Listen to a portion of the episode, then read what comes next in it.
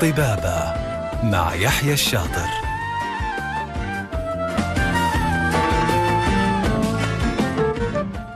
بسم الله الرحمن الرحيم. السلام عليكم ورحمة الله وبركاته. يسعد لي مساكم مستمعين وحبايبنا في كل مكان على إذاعتكم إذاعة ألف ألف أف إم الموجة السعودية. يسعدني أكون معاكم. أنا يحيى الشاطر لمدة ساعة كاملة من الساعة ثلاثة ونصف وحتى الساعة الرابعة والنصف. في حوار طبي على الهواء مباشرة مع ضيف مميز اللي دائما يشرفونا في برنامجنا برنامج طبابة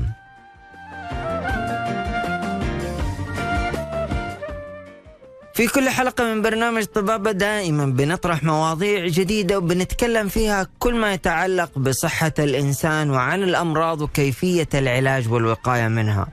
وأيضا بنجلس نتكلم ونتناقش في آخر المستجدات اللي آه والتقنيات الحديثة. وكمان أنتم أعزائي المستمعين تقدروا تتناقشوا تسألوا وأي استفسار حابين أنكم من خلال موضوعنا اليوم إنكم أنتم تقدروا تسألوا في ضيفنا لليوم على هاتف البرنامج 012 61 6110 أو إنك ترسل لنا على واتس البرنامج 052 62 89 01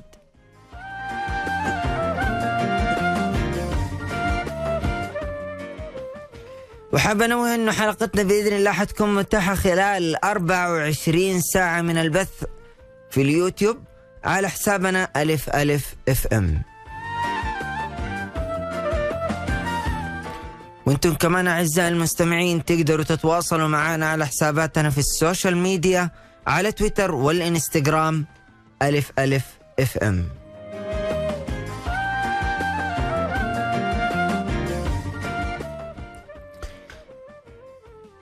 صحة الفم والأسنان وما أدراك ما صحة الفم والأسنان.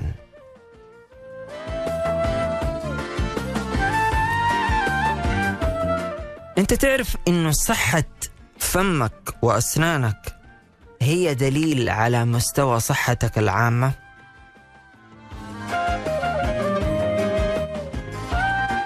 المشكلات الموجودة اللي في فمك يمكن تأثر على بقية جسمك. فدائما احمي نفسك.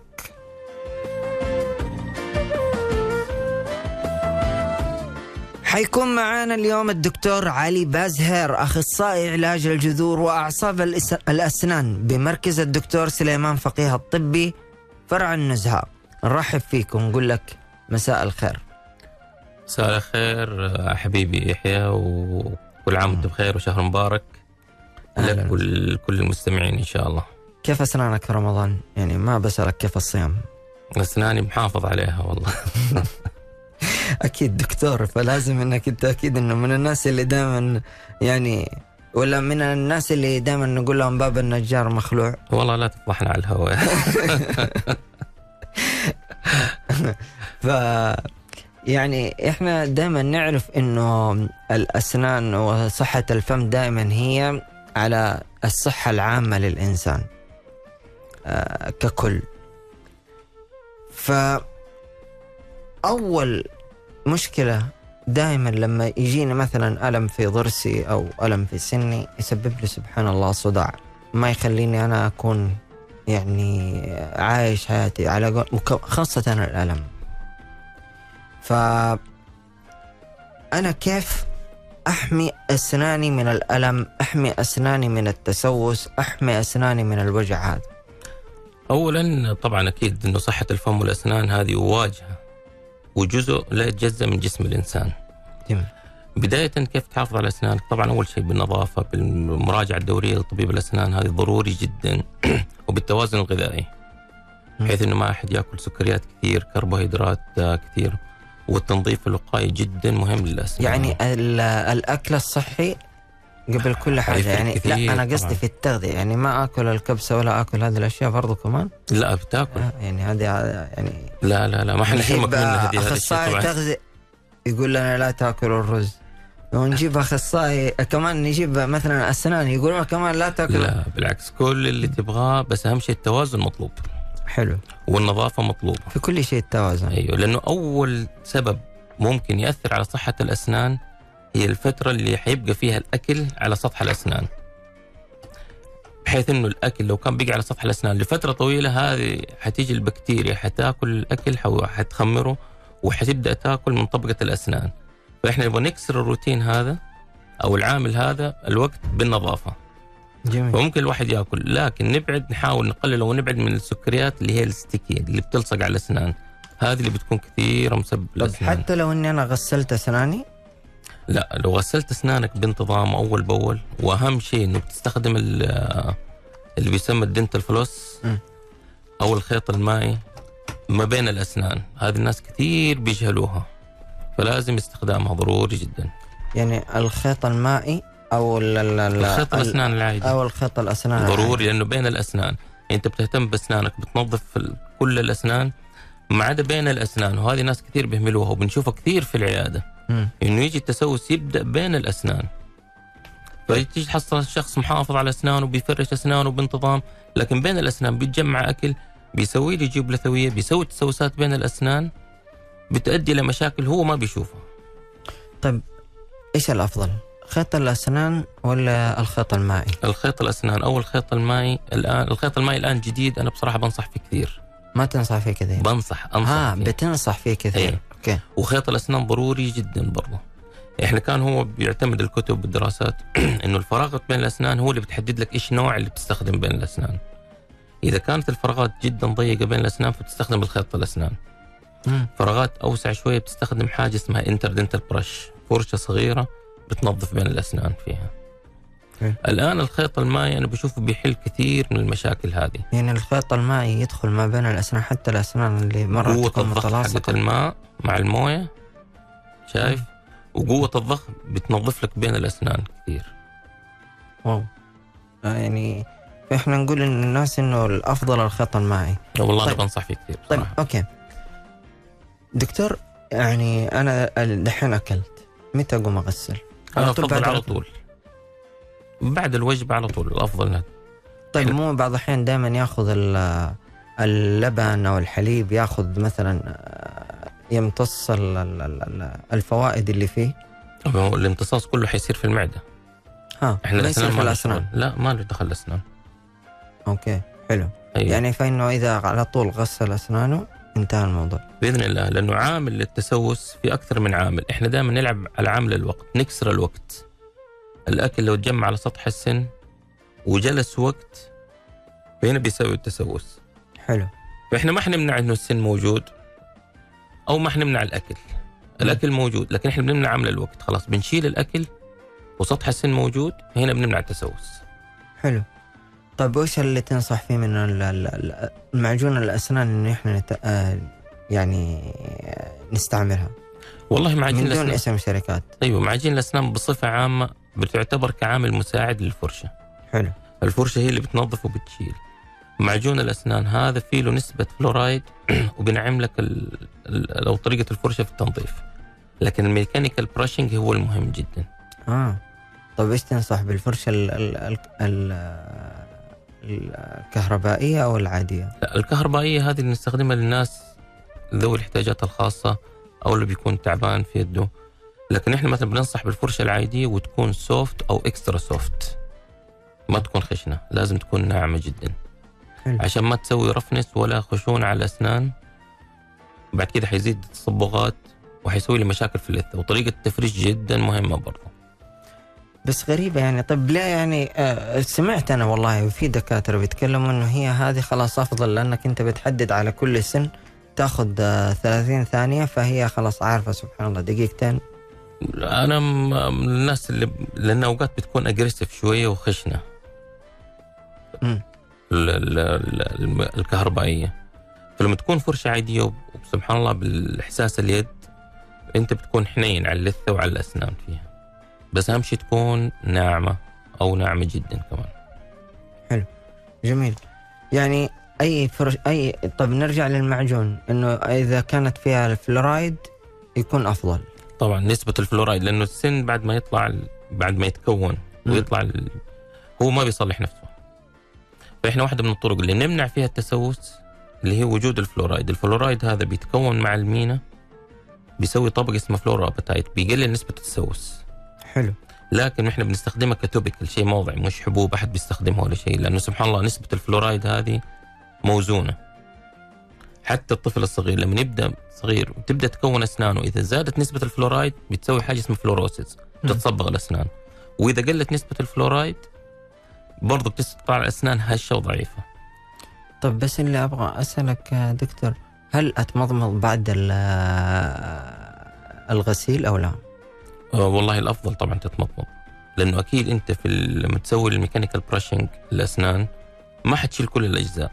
فحيبقى في بواقي في الأكل فبتتشال معك بالموضوع لأنه سمعت معلومات يقول لك إنه يعني ما أدري قرينا إنه والله خذ آه وخليها على الأقل من 20 إلى 30 دقيقة علشان ياخذ فلورايد آه مكانه في ال- ال- الأسنان. لا لا لا لا. هي المشكلة إنه الفلورايد إحنا إحنا في الأطفال في الأطفال. مم. بنيجي بنحط لهم topical fluoride. طبقة فلورايد للأسنان عشان تحميهم. هنا وقتها بنمنع عشان تاخذ وقتها لكن في كتفريش الأسنان العادي لا أنا هدفي الاساسي الآن إني أشيل طبقة الأكل اللي موجود على الأسنان عشان لا تتجمع وتسوي لي تسوس يعني نقول لهم إنهم خلاص اتمضمضوا. يتمضمض على طول. جميل. طيب. ال ال إحنا قلنا دحين تكلمنا عن موضوع التنظيف وش ال- ال- المعجون المناسب إنه أنا أسويه.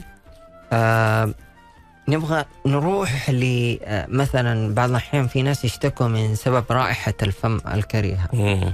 هو آه، يعني بيت بيتسوق وبيغسل أسنانه بيسوي الخيط المائي فهذه إيش سبب؟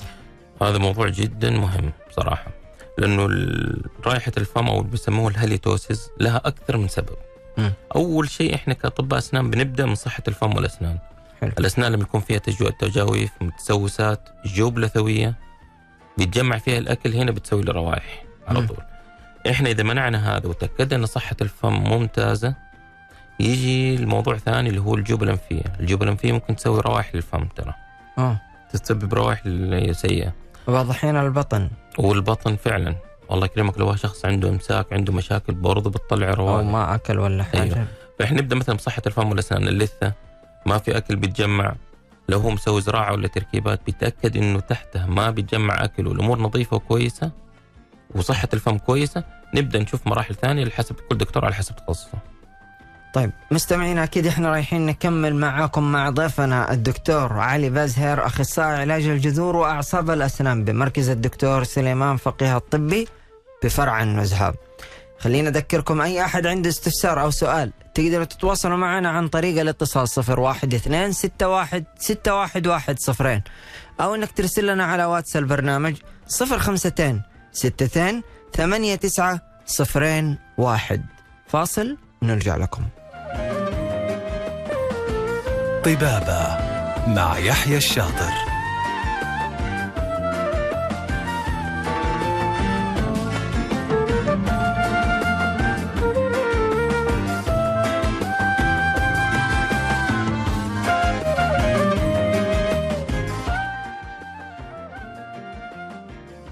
يا هلا وسهلا بمستمعينا من جديد مكملين معاكم في موضوعنا عن صحة فمك وأسنانك طيب دكتور إحنا تكلمنا إنه رائحة الفم هذه تكون بعض الأحيان من الجيوب الأنفية أو من البطن أو من اللثة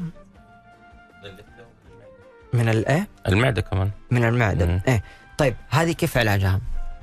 وإحنا قلنا أول حاجة نبدأ بصحه الفم والأسنان إذا تأكدنا إنه ما في تجاويف أسنان بناخذ أشعة بنقيس الجيوب اللثويه حقت الأسنان ما في أكل ما في بتجمع ضروس العقل أوقات لما تكون طالعة مايلة بيكون حوالينها لثة مم. اللثة هذه أوقات كثير ما بينتبهوا لها بتجمع أكل بتسوي مشاكل طب هي مع التنظيف ما بتروح؟ أوقات ما بتروح إذا كان طالع جزئي أو مضمور جزئي ضرس العقل فاللثة بتكون مغطية على نص الجذر فأنت بتنظف مهما وصلت تحت اللثة مم. فهذه علاجها إن مثلا والله نحولها للدكتور الجراح يخلع ضرس العقل حلو أوكي طيب دحين لما إحنا مثلا إحنا بننظف أسناننا وبنسوي هذه كل الأمور لازم إحنا نروح عند دكتور الأسنان ضروري ليه؟ الآن ما أشتكي من شيء أنت هل أنت شخص مثالي 100% حتنظف أسنانك 100%؟ م- م- لا وهل هتحافظ على الاوقات؟ هل أنت حتمنع نفسك من كل الأكل؟ مهما حافظت فتحتاج إنك زياره دورية لدكتور الأسنان من ثلاثة شهور إلى ستة شهور مرة ضروري جدا. خلال هذه الفترة اللي هي يبدأ يتكون فيها التسوسات حق الأسنان. حتى لو أنت ما بتشتكي منها فتحتاج إنك تروح لدكتور الأسنان للمراجعة. والكشف الدوري. تنظيف الجير في بعض الناس عندهم نسبة آه، تكون الجير جدا عالية.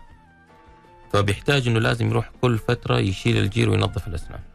أوكي مستمعينا أكيد إحنا رايحين نكمل معاكم مع ضيفنا الدكتور علي بازهير أخصائي علاج الجذور وأعصاب الأسنان بمركز الدكتور سليمان فقيه الطبي بفرع النزهة. فاصل ونرجع لكم. طبابة مع يحيى الشاطر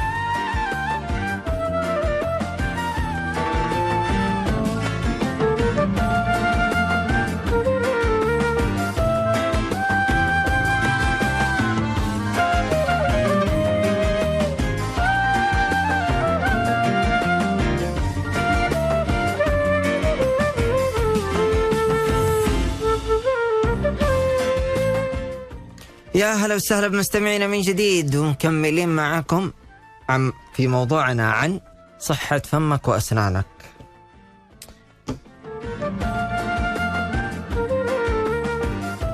خلينا أذكركم أي أحد عنده استفسار أو عنده سؤال عندك مشكلة في سنك أهلك والدكتور اللي عندنا أسئلة. وما تقصروا معاه.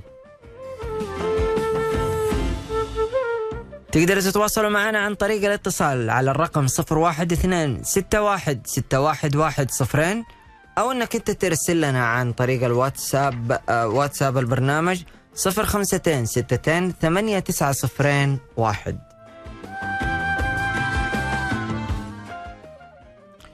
والله يا دكتور عندي هنا سؤال من آه، عامر. أول شيء خلينا نرحب فيك دكتور علي بازهير.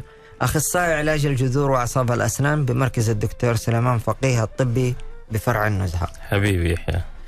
طيب من عامر يقول عندي استفسار بخصوص الخيط المائي. كل ما أستخدمه لثتي تنزف دم بشكل مو طبيعي وأحسه يوسع اللثة ويسبب فراغ ما بين الأسنان. ما السبب وما العلاج؟ بصراحة يعني هذا سؤال. أول شيء الخيط المائي ممكن تكون قوة الضخ عنده عالية. فيخففها الشيء الثاني اللثة بتنزل دم. غالبا اللثة لما تكون بتنزل دم حتى لما بيفرش بالفرشه العاديه الأسنان. لما تكون اللثه بت... هذه دليل إنه اللثة ملتهبة. فلازم يراجع طبيب الأسنان عشان يعالج اللثة أول شيء. حلو. يحتاج جلسة تنظيف الجيوب اللثوية نتأكد منها موجودة ما هي موجودة. آه، وبعد كده الخيط المائي لا ضروري يستخدمه. فإذا كان قوة الضخ عالية لا يخف قوة الضخ عشان لا تضر اللثة. طب بس آه، هو كلامه كان بيتكلم يا دكتور يقول آه، آه، يعني هل يوسع اللثة أو لا؟ لا ما تسوي فراغات مستحيل. الخط السني. لا ما بيسوي. حتى الخيط السني نفسه. ما بيح... ما ما له القدرة إنه هو بيحرك الأسنان. مم. سبحان الله الأسنان موجودة في عظم. والعظم هذا فيها اربطه لثويه مو دائما كانوا زمان يقولون انتبه عشان ما يسوي لك فراغ ما بين سنك لا لا لا ما بيسوي فراغات. إيش اللي يسوي الفراغ؟ هو التقويم. التسوس الت- التقويم طبعا هو التقويم يعني الدكتور التقويم. بيتعب بيركب الوايرات والدنيا علشان يحرك السن واحد ملي لمدة في مدة أسبوعين لثلاث أسابيع. هيجي الخيط المائي يسويها. معناته هو دكاتره التقويم حنقول لهم المائي آه. الخط السني. حتى الخيط السني. مم. مع معناته كده دكاترة التقويم آه، هيروح شغلهم. طيب حلو. طيب دكتور آه في واحد آه آه سلمان يقول آه هل الشخص اللي عمره فوق الأربعين سنة إذا جاء يخلع ضرس العقل أو لا؟ لا طبعا ما في أضرار. ما في أمر. كان ضرس العقل موجود وبيسوي له مشاكل فلا العلاج حقه إنه يتشال. طبعا طيب. الطبيب الجراح مم. على قولتهم أبخص بهذا الشيء. بس غالبا لا ما بيسوي مشاكل ابدا حتى لو كان عمره فوق ال 50 okay. أو ال طيب 60 هل يعني زيك لما فوق العمر الستين لا لسه أنا لسه توني مخلص آه، 15. ابتدائي. طيب هل يف... هل ممكن إنه يفقد حاسة التذوق؟ لا طبعا. هذا نفس تكملة السؤال. كيف يصير؟ إنه يعني إذا خلع ضرس الع- العقل. لا لا لا لا ما له شغل مرة. نهائيا. لا ابدا. هو من مضاعفات خلع ضرس العقل أوقات يكون الضرس عميق بيأثر على عصب الفك بس ما له دخل بالهذا. وأغلب الأطباء الجراحين الممتازين بيشيلوه حتى لو كان إيش أنا شخصيا لنفسي أنا. كان عندي ضرس العقل ومرة على علاقة مع العصب الفك. وعندي جراح شاطر جدا شال لي إياه وابدع ما يكون. طب آه بما أنك يعني في موضوع آه متخصص في علاج الجذور وأعصاب الأسنان هل الأطفال يجيهم ونقدر نسوي لهم استئصال عصب طبعا وعلاج الجذور؟ طبعا الأطفال في الأسنان اللبنية وفي الأسنان الدائمة فالاسنان طب اللبنية قبل لها ما ندخل. إنه هي تصير لها المشاكل مم.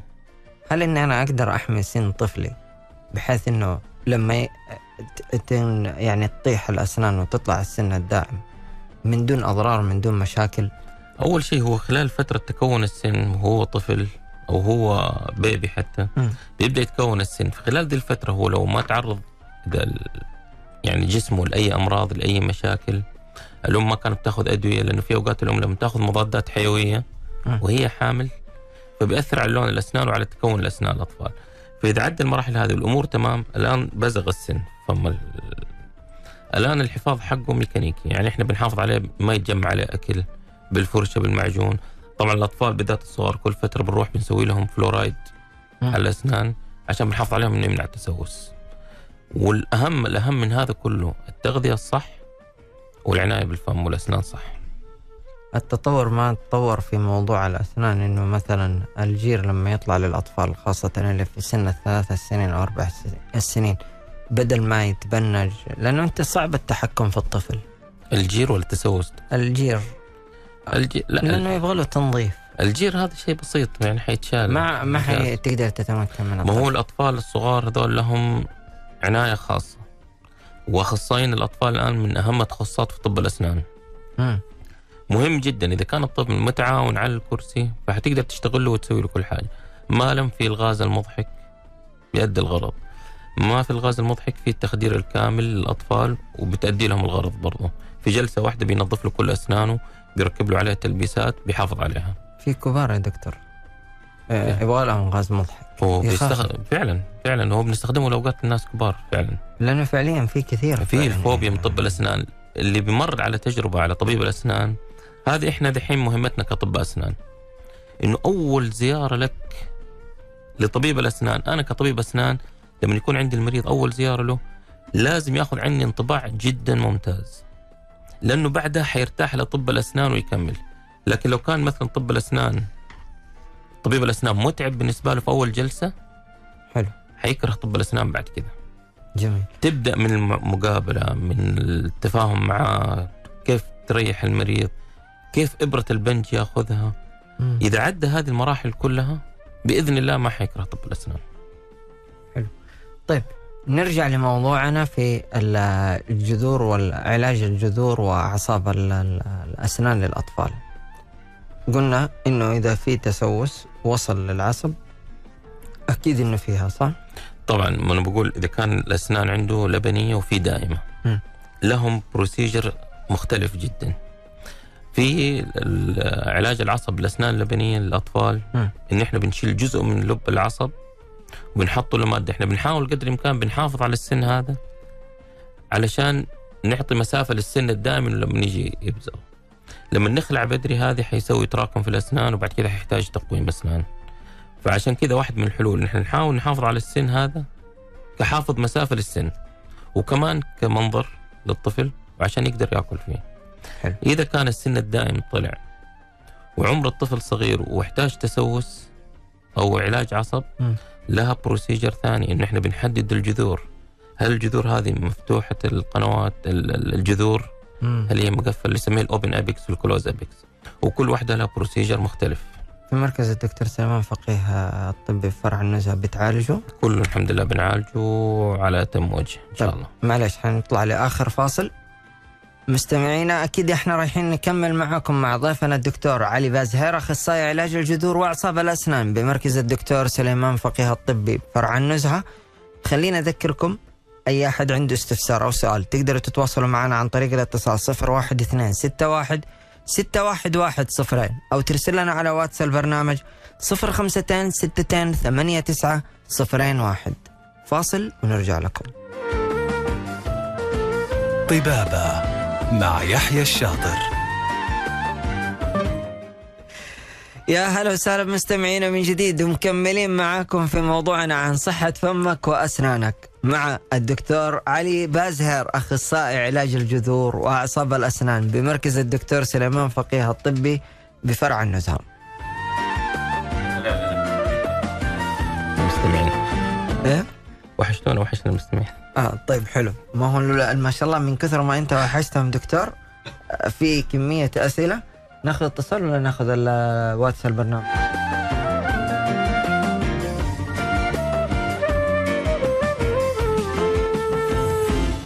طب ناخذ الاتصال.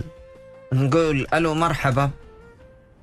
السلام عليكم. وعليكم السلام ورحمة الله وبركاته. مين معنا؟ معك بندر بن صالح. والنعم يا حبيبي بندر. تفضل. قل لي إيش سؤالك؟ سؤالي للدكتور علي آه أنا بعاني من الجير داخل الأسنان على الرغم إنه أفرش دائما باستمرار. تفضل. هلا حبيبي بندر.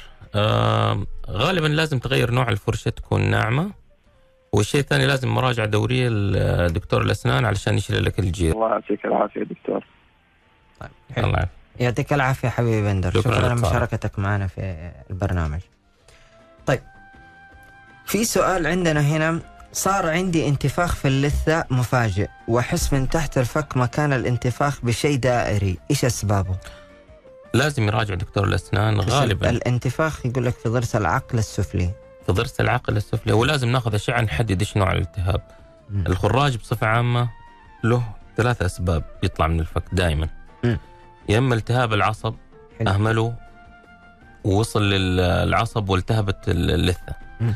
أو اللثة نفسها بتكون جيوب لثوية وبيسوي خراج أو ضرس العقل نفسه لما يكون آه، مضمور جزئيا بيسوي مشاكل وبتطلع. الخراج فلازم ناخذ أشعة عشان نتأكد من هذا الموضوع طيب حلو طيب آه، في كمان عندنا سؤال ثاني يقول لك الانتفاخ عندي انتفاخ في اللثة مفاجئ وأحس من تحت الفك مكان الانتفاخ بشيء دائري. آه لا هذا خلاص قلناه معلش آه أبى أسأل عن الأسنان الأمامية الدائمة. صابتها إسوداد آه من عند اللثة وزادت آه صابت ربع الأسنان. إيش السبب وإيش الحل دكتور؟ غالبا ال- إنه هذا حيكون تسوس حوالين الأسنان. مم. يعني في المرة الأولى نتأكد إنه ما كان تصبغ إذا كان هذا في تكسر في السن أو demineralization إحنا بنسميه فهذا لازم إنه يحتاج مراجعة طبيب الأسنان علشان يتنظف التسوس هذا ويستبدل بحشوة تجميلية. حلو. في سؤال يقول لك آه، يا ليت تسأل الدكتور علي بازهير يا ليت يتكلم عن متابعة علاج العصب وحضور الجلسات وأهميتها. هذا أصلا الكلام يعني هو الحديث يطول في هذا الموضوع. وأنا كنت بتكلمه بس ما شاء الله من كثر الأسئلة. هذا من الأشياء اللي إحنا بنواجهها المشكلة بصراحة. انه المريض بيجينا متألم وتعبان. فاول جلسة بنسحب العصب. طبعا غالبية العلاجات إحنا بنسويها في جلسة واحدة علاج العصب. مم. في جلسة واحدة بيطلع بنسحب العصب وبنحشي القنوات والأمور. تمام. لكن في بعض الأوقات لضيق الوقت أو لصعوبه الحال مثلا فبيحتاج جلسة ثانية.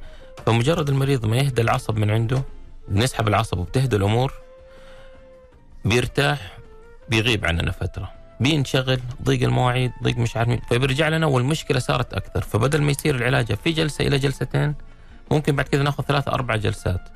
يعني من خراج. أول ألم المفروض أنك أنت تروح تراجع الدكتور.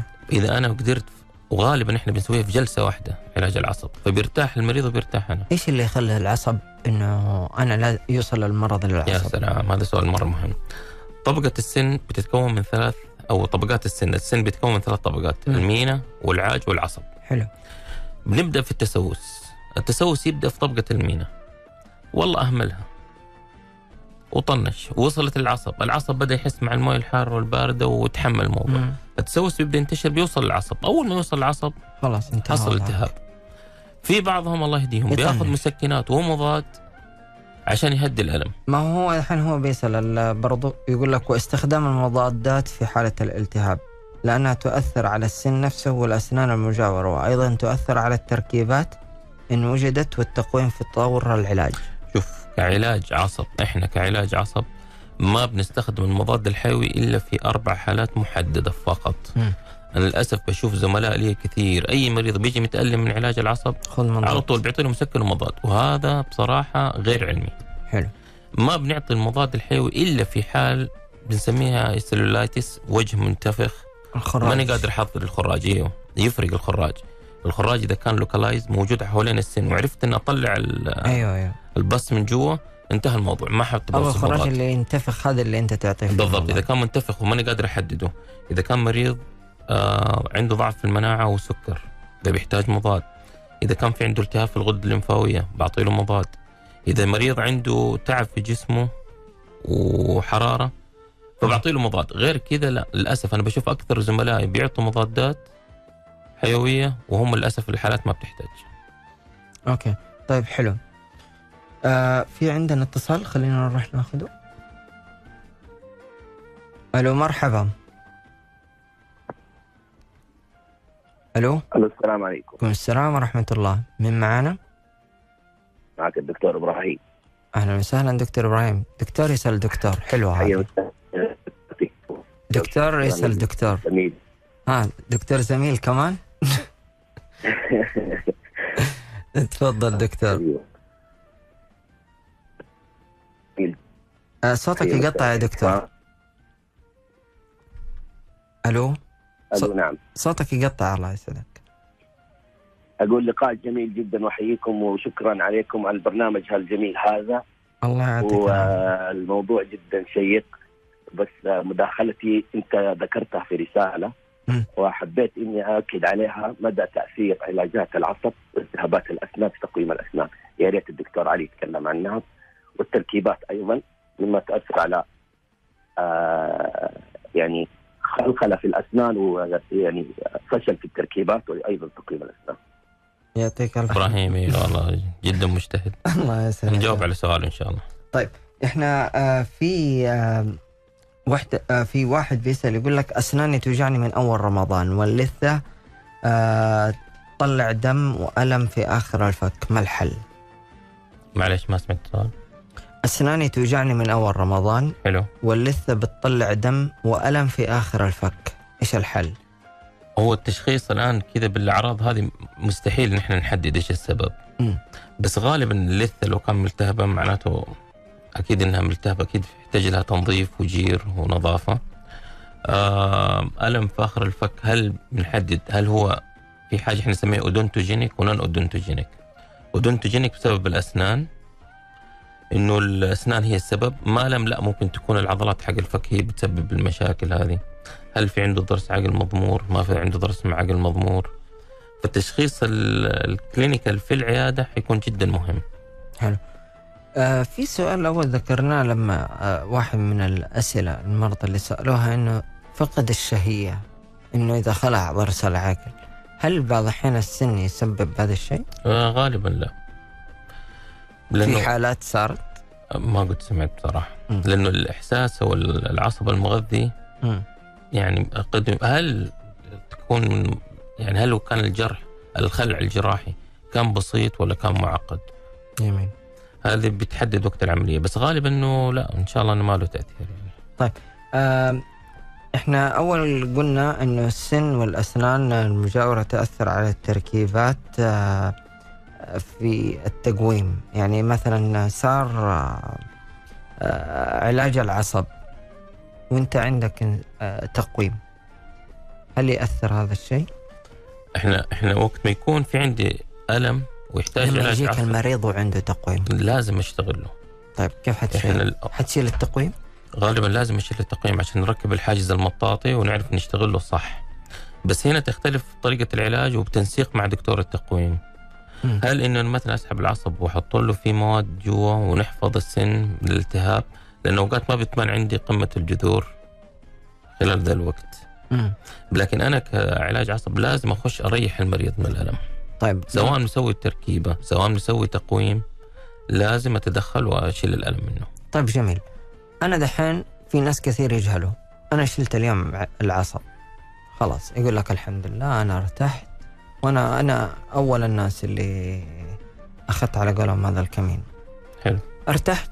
أي دورني إذا رحت عند دكتور أسنان. هذه مشكلة. في شيء لازم بعد آه، علاج العصب. وإحنا دائما ننصح إنه بعد ما نخلص علاج العصب وننهي والأمور تمام. بحول المريض لأخصائي التركيبات. يا سلام. لازم يحافظ على السن بيعمل له تركيبة. في الآن. أنواع جديدة متطورة من التركيبات. تركيبة مش هي؟ جديدة والله هي قديم بس الآن بدأت تلبيسة ولا. تركيبة؟ هي نفسها التلبيسه إيه إحنا بنسميها تلبيسة ناس بيسموها طربوش في ناس بيسموها حلو. إحنا بصفة عامة إحنا بنسميها crown. حلو. في نوع من أنواع التلبيسات هذه ال crown الآن جديدة بالذات في الضروس مستخدمه يسموها endocrown. مم. endocrown بالذات للشباب الصغار فما بنبرد السن كامل. لا بنحاول جزء من السن من جوا. وبتعمل له تركيبة على السن. طيب ليش؟ لأنه السن هذا دحين إحنا خلال علاج العصب بنضطر إن إحنا مثلا نفك الضرس كامل من جوا. لا ما أنت سويت الحشوة الدائمة. حتى لو الحشوة الدائمة. اللي باقي من تركيب السن حيكون ضعيف. الحشوه الدائمه حتى لو هي لاصقه ما حتتحمل ضغط الأسنان. فنسبة إنه السن هذا ينكسر نسبة مرة عالية. يعني هل يعتبر الضرس آه، فقط شكله شكل؟ غير الشكل أنا اهمي في الوظيفة. رقم واحد. ثاني حاجة المنظر. في بعض الحالات اللي هي بنسوي لها علاج عصب بتكون فتحة العصب صغيرة فممكن لا بغطيها بحشو وانتهى الموضوع. فنسبة فقداني للسن هنا يحدد هل ححتاج له علاج عصب تلبيسه ولا لا. طيب دكتور في آخر دقيقة في سؤال جانا هل تنظيف الأسنان تبييض الأسنان تكشط الطبقه الخارجية للأسنان؟ شوف إذا تعاملت عند دكتور متخصص وممتاز مم. فغالبا إنه لا هي المشكلة إنه مش بتكشط الأسنان هي المشكلة لو استخدمت بطريقه غلط بتسوي رفنس على الأسنان أو خشونة. حلو. هذه بتخليها ترجع تتكون بنسبة أعلى. الا تسوي. وحيصير تصبغات أكثر بالذات الناس اللي بيشربوا شاي كثير. مم. طب هل ت... معلش و... وش رأيك بتنظيف الأسنان ببودره الفحم؟ أو فحم مطحون؟ علما إنه ينظف من قلب. وهذا أنا بشوف أنا ما ما ما قرأت عنها علميا لكن برضه أنا بشوف إنها لما تكون هذه خشنة حتزود خشونة في الأسنان. مم. وهذه حترجع بعد كذا حتتصبغ الأسنان أكثر وحيمسك جير أكثر. الفرشه إيش مقصره معهم المعجون إيش مقصر؟ صح. وحتى مشكلة التبييض إنه الناس بيشتكوا من التبييض. مشكلة لون الأسنان إنه بيختلف الآن مثلا الناس بيشتكوا إنه أسنانهم صفرة. أول شيء بيعتمد هل هو بيشرب شاي بيدخن. فبتشيل الصبغة. لكن لو نفس السن فمعناته هذا بسبب العمر تقدم العمر. فتقدم العمر عنده بيخلي الشفافية حق الأسنان بتقل فبيزيد لونها. الحمد لله انك انت قلت شاهي ما قلت القهوة. القهوة يعني ما تسوي شيء. آه انت حتمسك لي على كل حاجة. آه. شاي وقهوة وكل لا شيء ما هو عشان من. الناس اللي أحب أشرب القهوة بكثرة فقلت أهم شيء. عزمنا معاك وإحنا نسمح لك فيها. للأسف يا دكتور وصلنا إحنا لنهاية ال- الحلقة. شكرا للدكتور علي بازهر أخصائي علاج الجذور وأعصاب الأسنان بمركز الدكتور سليمان فقيه الطبي بفرع النزهة. شكرا على المعلومات المميزة اللي طرحتها لنا. شكرا لزملائنا من إخراج البث الأستاذ مشار الحربي. آه، أيضا شكرا لكم أنتم مستمعينا ومشاركتكم في الحلقة وإن شاء الله أنكم أنتم استفدتوا واستمتعتوا معنا في الحلقة من برنامجكم برنامج طبابة. يتجدد اللقاء بكم بكرة بإذن الله في نفس الموعد وفي نفس الوقت من ثلاثة ونص وحتى الرابعة والنصف عصرا. واللي ما لحق يسمع الحلقة من بدايتها يقدر يسمعها على قناتنا باليوتيوب ألف ألف إف إم. نصيحة صحة الفم هي علامة مستوى صحتك العامة. فدائما احمي نفسك. كنت أنا معكم يحيى الشاطر. في أمان الله.